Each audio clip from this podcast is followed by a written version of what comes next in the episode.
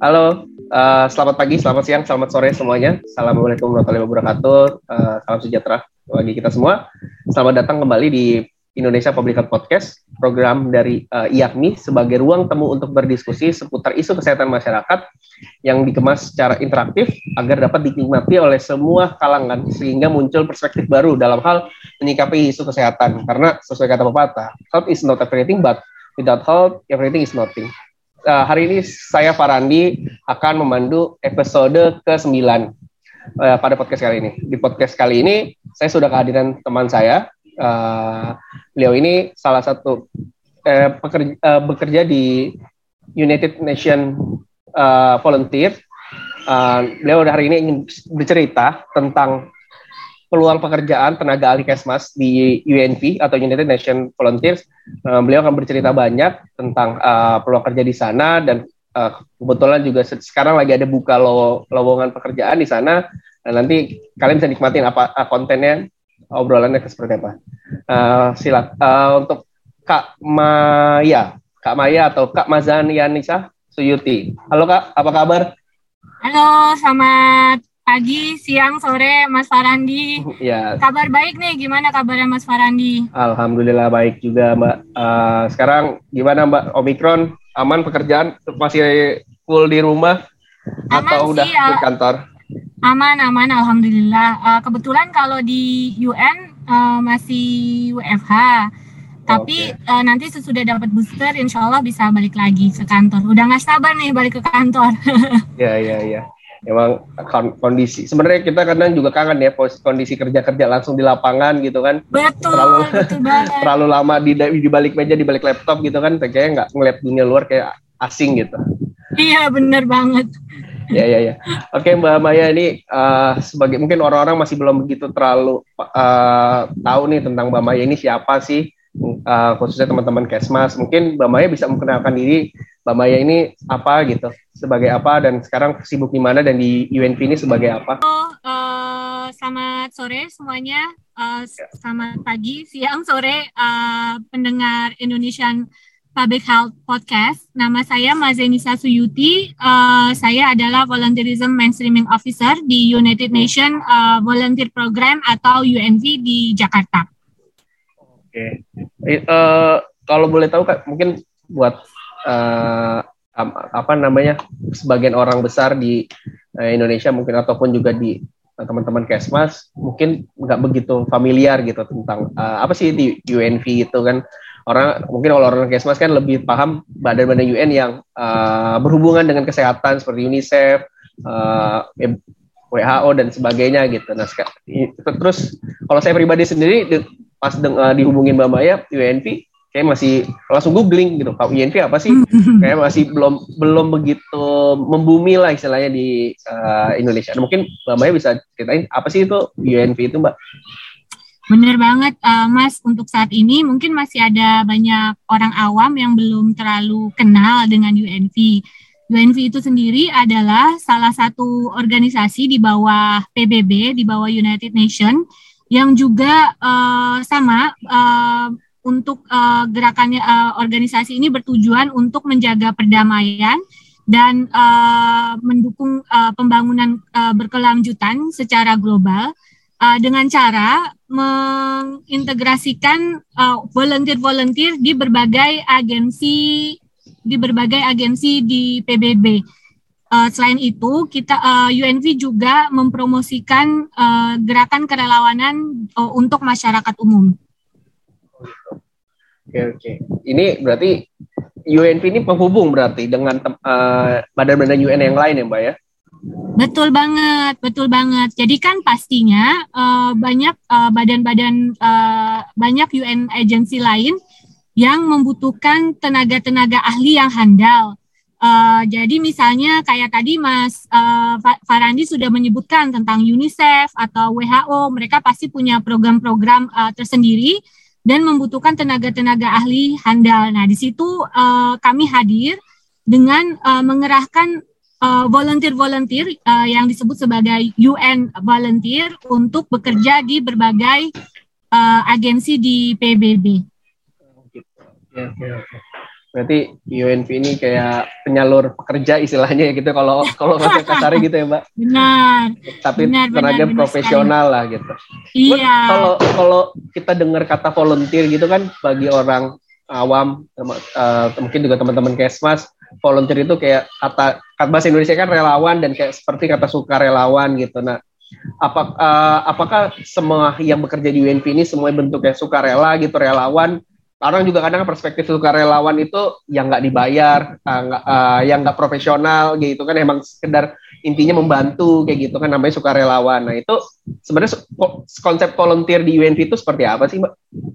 Nah sebenarnya uh, sebagai informasi UN volunteer itu uh, sama sama tenaga profesional uh, sama seperti yang lainnya tapi memang bentuk kontraknya itu adalah sebagai uh, UN volunteer berbeda uh, berbeda sedikit uh, kontraknya itu dalam bentuk UN volunteer nantinya akan ada requirement dan eligibility sendiri berbeda dengan jenis-jenis uh, kontrak yang lain yang yang ada di uh, UN. Tapi ini uh, bukan berarti dibilang UN volunteer, tapi berarti uh, semuanya uh, sukarela atau begitu enggak. Kita semua sama profesional uh, dapat dapat berbagai uh, benefit juga uh, sama cuman memang bedanya ada di kontraknya aja namanya UN volunteer. Dan ya.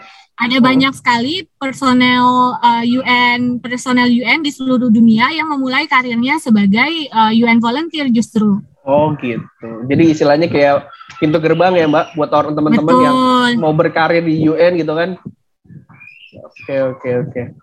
Uh, kalau mamanya mulai dari situ juga dari uh, mulai dari status volunteer hingga ke sana gitu. Uh, iya, uh, sebenarnya sampai sekarang saya masih statusnya uh, UN volunteer, uh, UN volunteer uh, specialist namanya. Saya karena saya bertugas di negara saya sendiri, jadi saya adalah UN National Volunteer uh, dengan uh, dengan jenisnya uh, spesialis namanya, karena ada beberapa jenis UN oh, National gitu. Volunteer gitu. Mm-mm. Kalau boleh tahu tadi Mbak Maya sempat mention tentang uh, UN spesialis gitu. Itu sebenarnya ada apa kategori apa aja sih kalau di dalam uh, lingkup pekerjaan UNV ini, Mbak?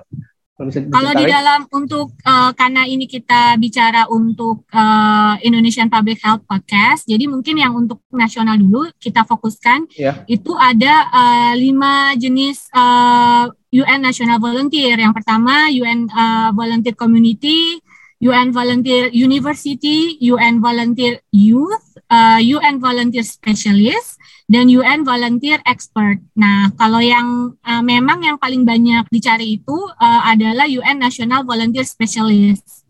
Oh, gitu. UN uh, Unity Specialist Spesialis itu seperti itu seperti apa, Mbak? Ya, contohnya itu, Mbak. Contohnya itu sebenarnya itu adalah sama seperti tadi kan di awal uh, di awal podcast Mas Farandi udah singgung sedikit ya bahwa ada oh. lowongan kerja untuk uh, health officer uh, immunization uh, di UNICEF Indonesia. Nah, itu yang dicari kebetulan memang UN National uh, UN National Volunteer uh, Specialist. Itu seperti apa? Itu adalah orang-orang Indonesia atau uh, penduduk tetap Indonesia yang berusia 20 minimal 27 tahun, uh, minimal uh, uh, latar belakangnya S1 di bidang uh, kesehatan seperti Kesmas contohnya uh, dan juga mempunyai pengalaman kerja minimal tiga tahun. Yang paling penting sebenarnya di pengalaman kerjanya itu minimalnya tiga tahun. Oke oke. Jadi kalau istilahnya kalau spesialis ini kalau di disetarakan dengan jenjang pendidikan di Indonesia itu untuk teman-teman yang jenjang S1 ya Mbak ya. Kalau uh, ini kalau expert berarti di atasnya lagi gitu ya Mbak? Betul. Uh, kalau S, uh, S spesialis itu selain dia butuh S1, dia juga minimalnya adalah tiga tahun uh, oh, pengalaman, kerjanya.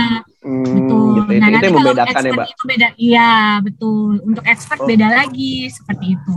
Oke, oke, oke. Itu berjenjang, Mbak. Maksudnya itu tingkatan dari kelima itu atau emang sebenarnya uh, kalau dengar tadi cerita Mbak berarti itu kayak berjenjang ya?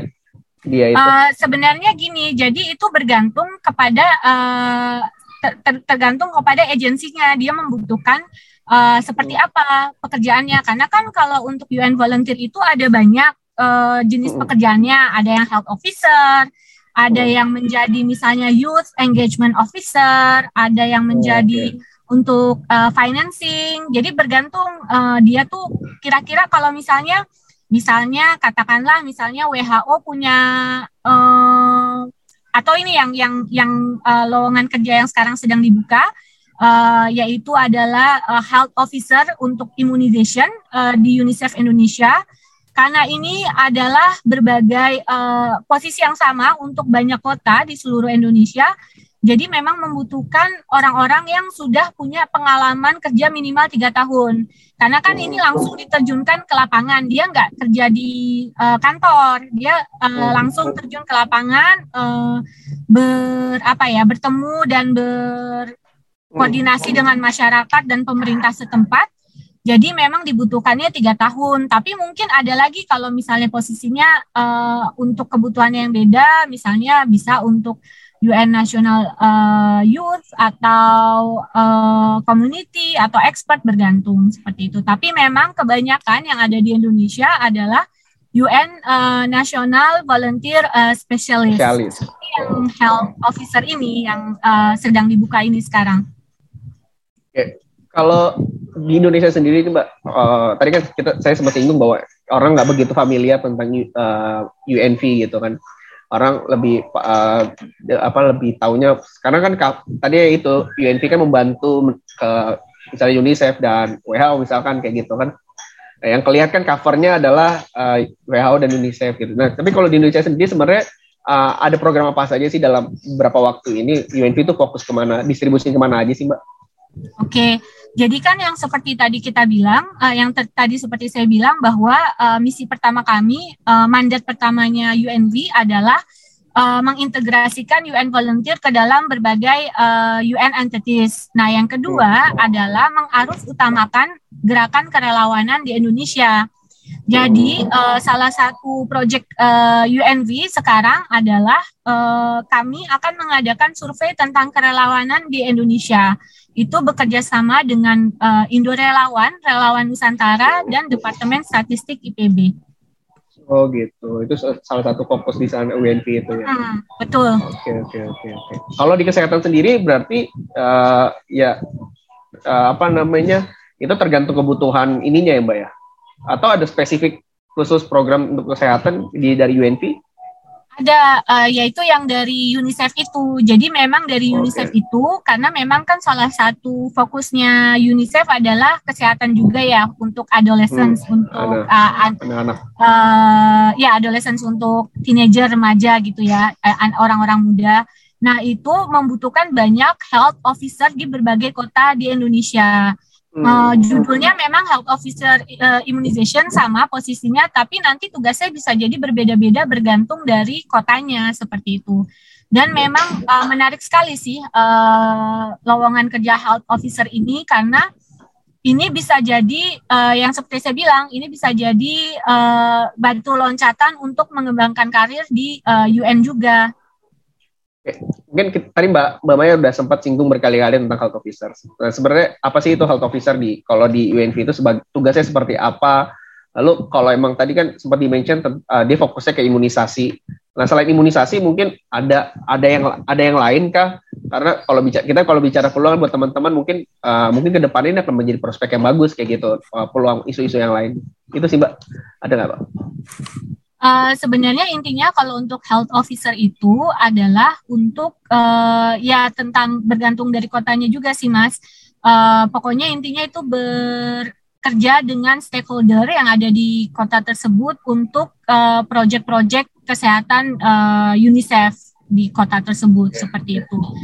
Uh, kalau untuk uh, sebenarnya kalau saya pikir untuk pendengarnya Indonesian Public Health Podcast ini kayaknya ini cocok banget nih uh, pekerjaan ini nih karena kan yang dicari itu memang uh, salah satunya adalah orang-orang yang berlatar pendada, uh, pendi, berlatar pendi, berlatar belakang pendidikan uh, kesehatan masyarakat kan. Hmm. Jadi uh, memang itu kayaknya requirementnya ini udah cocok nih buat para pendengar uh, podcast uh, Indonesian Public ya, Health. Ya, uh, fokusnya hanya imunisasi mbak, health officer ini sekarang-sekarang ini.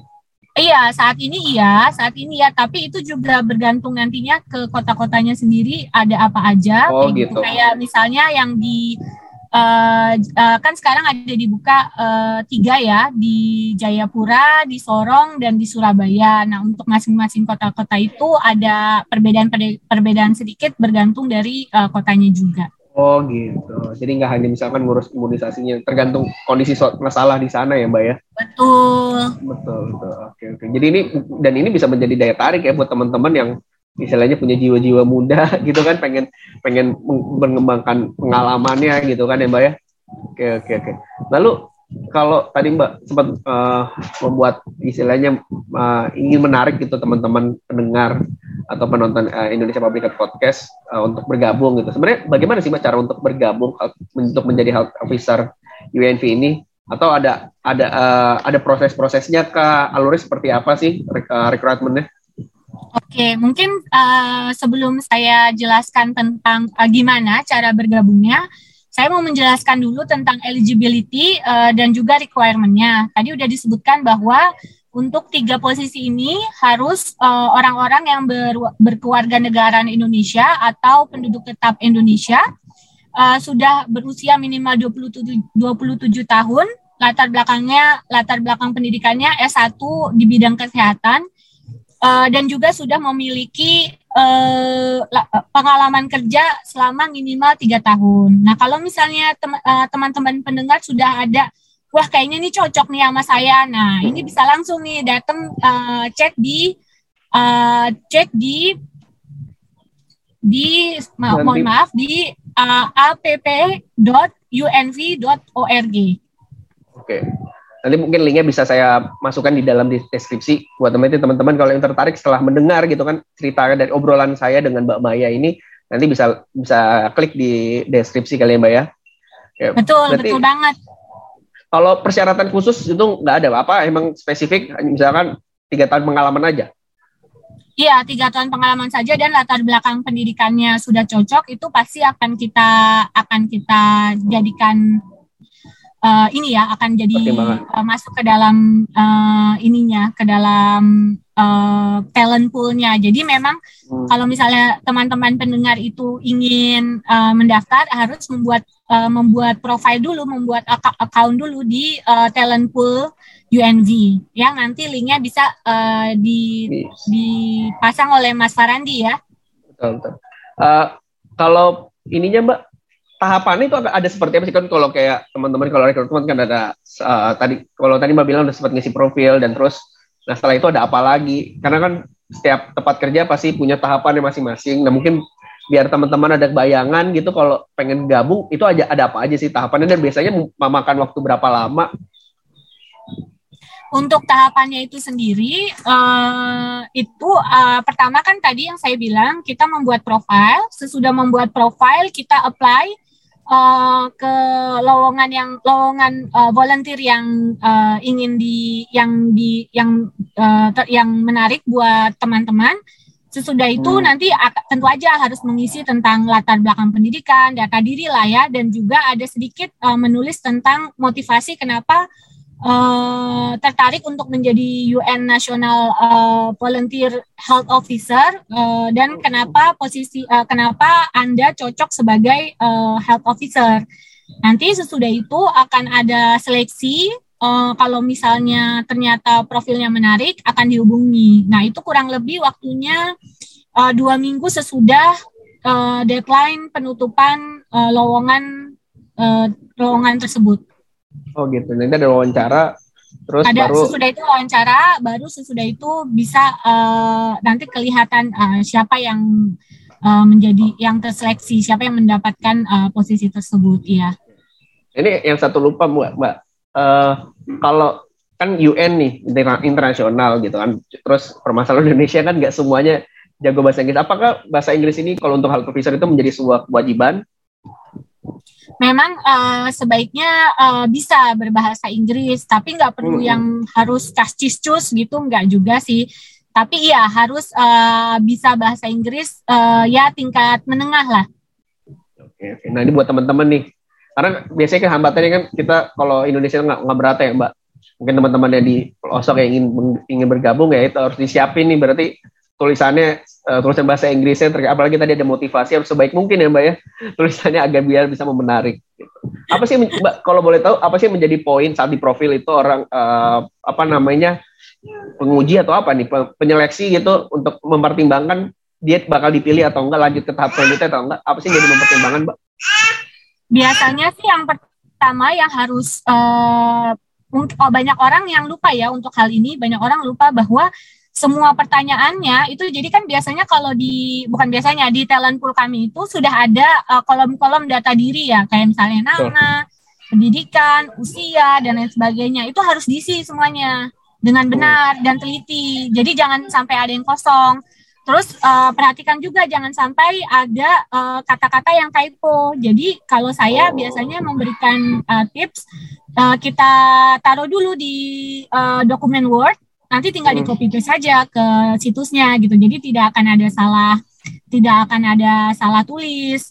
Nah, untuk motivasinya itu harus bisa mencocokkan antara latar belakang uh, latar belakang pendidikan, pengalaman dan juga uh, dan juga lowongan volunteernya. Jadi kalau misalnya di uh, lowongannya itu disebutkan bahwa uh, dia harus uh, misalnya dia harus bisa uh, support uh, contribute to health section COVID-19 response misalnya. Hmm. Oh jadi ini ada uh, tentang COVID-19 juga bisa dijelaskan bahwa misalnya uh, pendengar uh, Indonesia Public Health Podcast pernah juga nih ikut uh, kegiatan COVID-19. Nah, itu kan cocok seperti itu. Oh, gitu. Jadi dicocokkan antara pengalaman, latar belakang pendidikan dan juga uh, apa yang dibutuhkan dalam pekerjaan tersebut.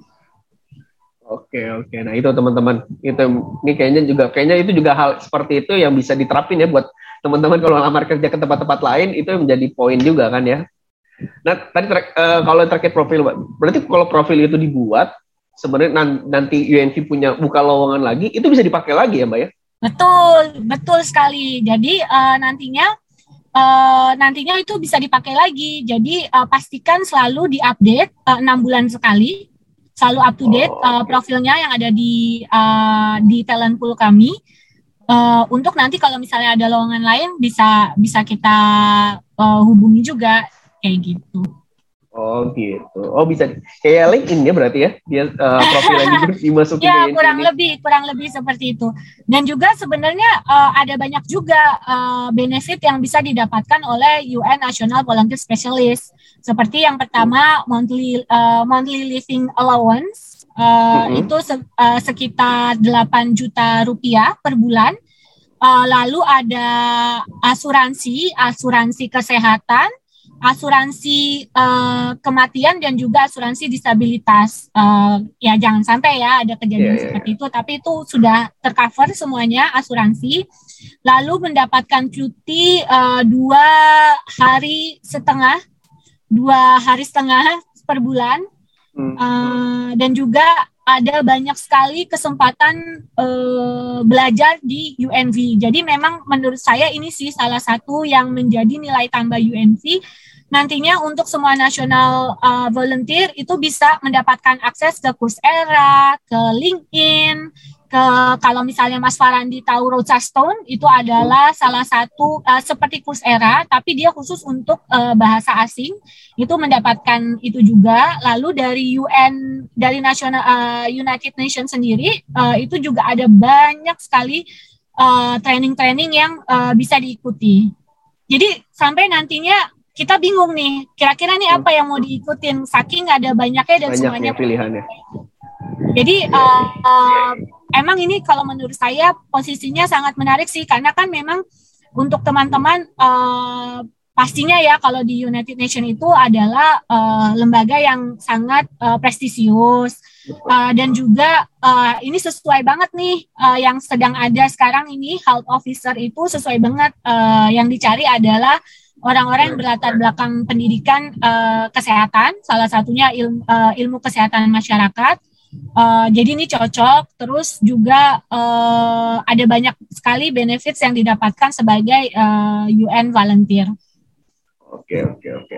Kalau prospek karir, mbak, tadi kalau saya tadi bicara pelatihan, pasti soft skill update.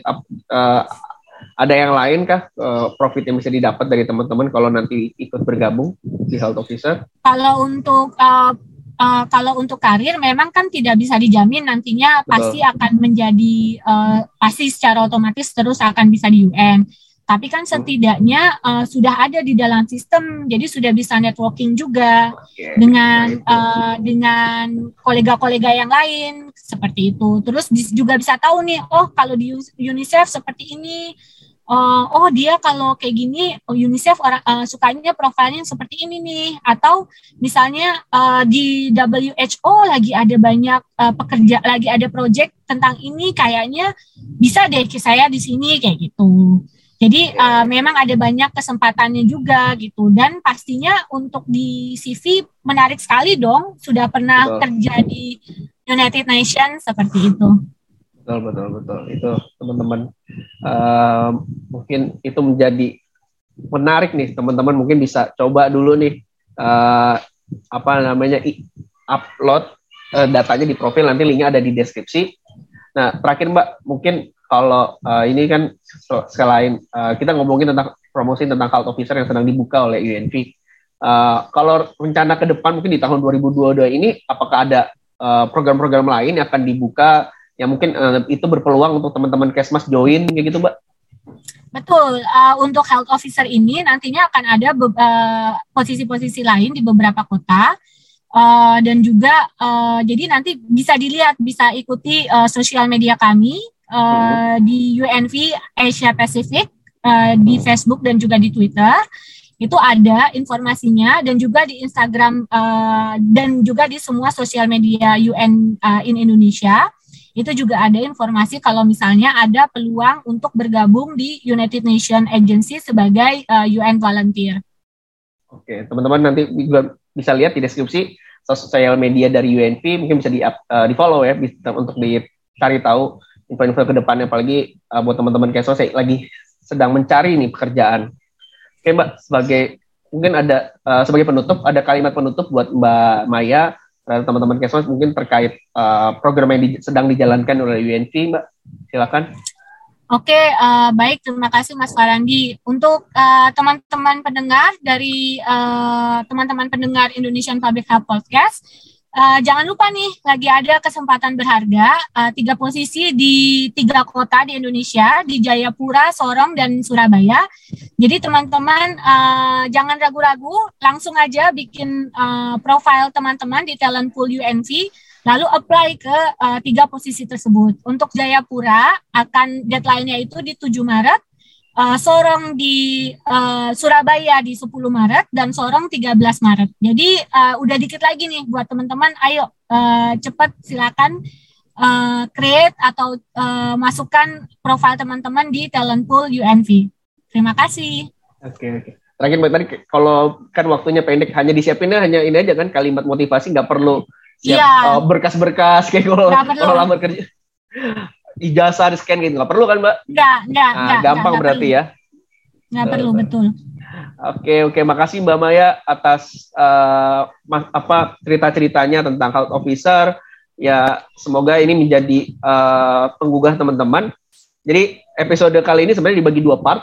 Uh, part satu ini kita men lebih menjelaskan tentang uh, apa itu health officer dan bagaimana uh, tentang UNP-nya Nah, ntar buat teman-teman yang pengen tahu lebih dalam uh, cerita-cerita dari teman-teman yang sudah berpengalaman di sebagai health officer, kita buat di part 2. Nanti akan membahas lebih dalam lagi cerita-cerita yang udah eh, yang ada da langsung dari teman-teman health officer. Uh, jadi bisa langsung lanjut ke part 2-nya. Sebelumnya terima kasih sudah menyaksikan podcast Indonesia Public uh, episode ke-9. Nantikan episode-episode selanjutnya kita uh, podcast ini akan ditayangkan lewat YouTube yakni official dan platform-platform podcast seperti Spotify, Google Podcast, Apple Podcast uh, dan lainnya sesuai uh, aplikasi yang digunakan oleh teman-teman. Jika teman-teman suka dengan podcast ini, jangan lupa like dan share ke teman-teman semua. Sekali lagi Mbak Maya, makasih banyak. Semoga uh, konten ini bermanfaat dan uh, sukses terus buat UNV untuk membangun membantu membangun Indonesia lah. Okay. Terima kasih banyak Mas Farandi untuk kesempatannya. Sukses terus Yakni. Oke, okay, kasih banyak. Terima oh. kasih.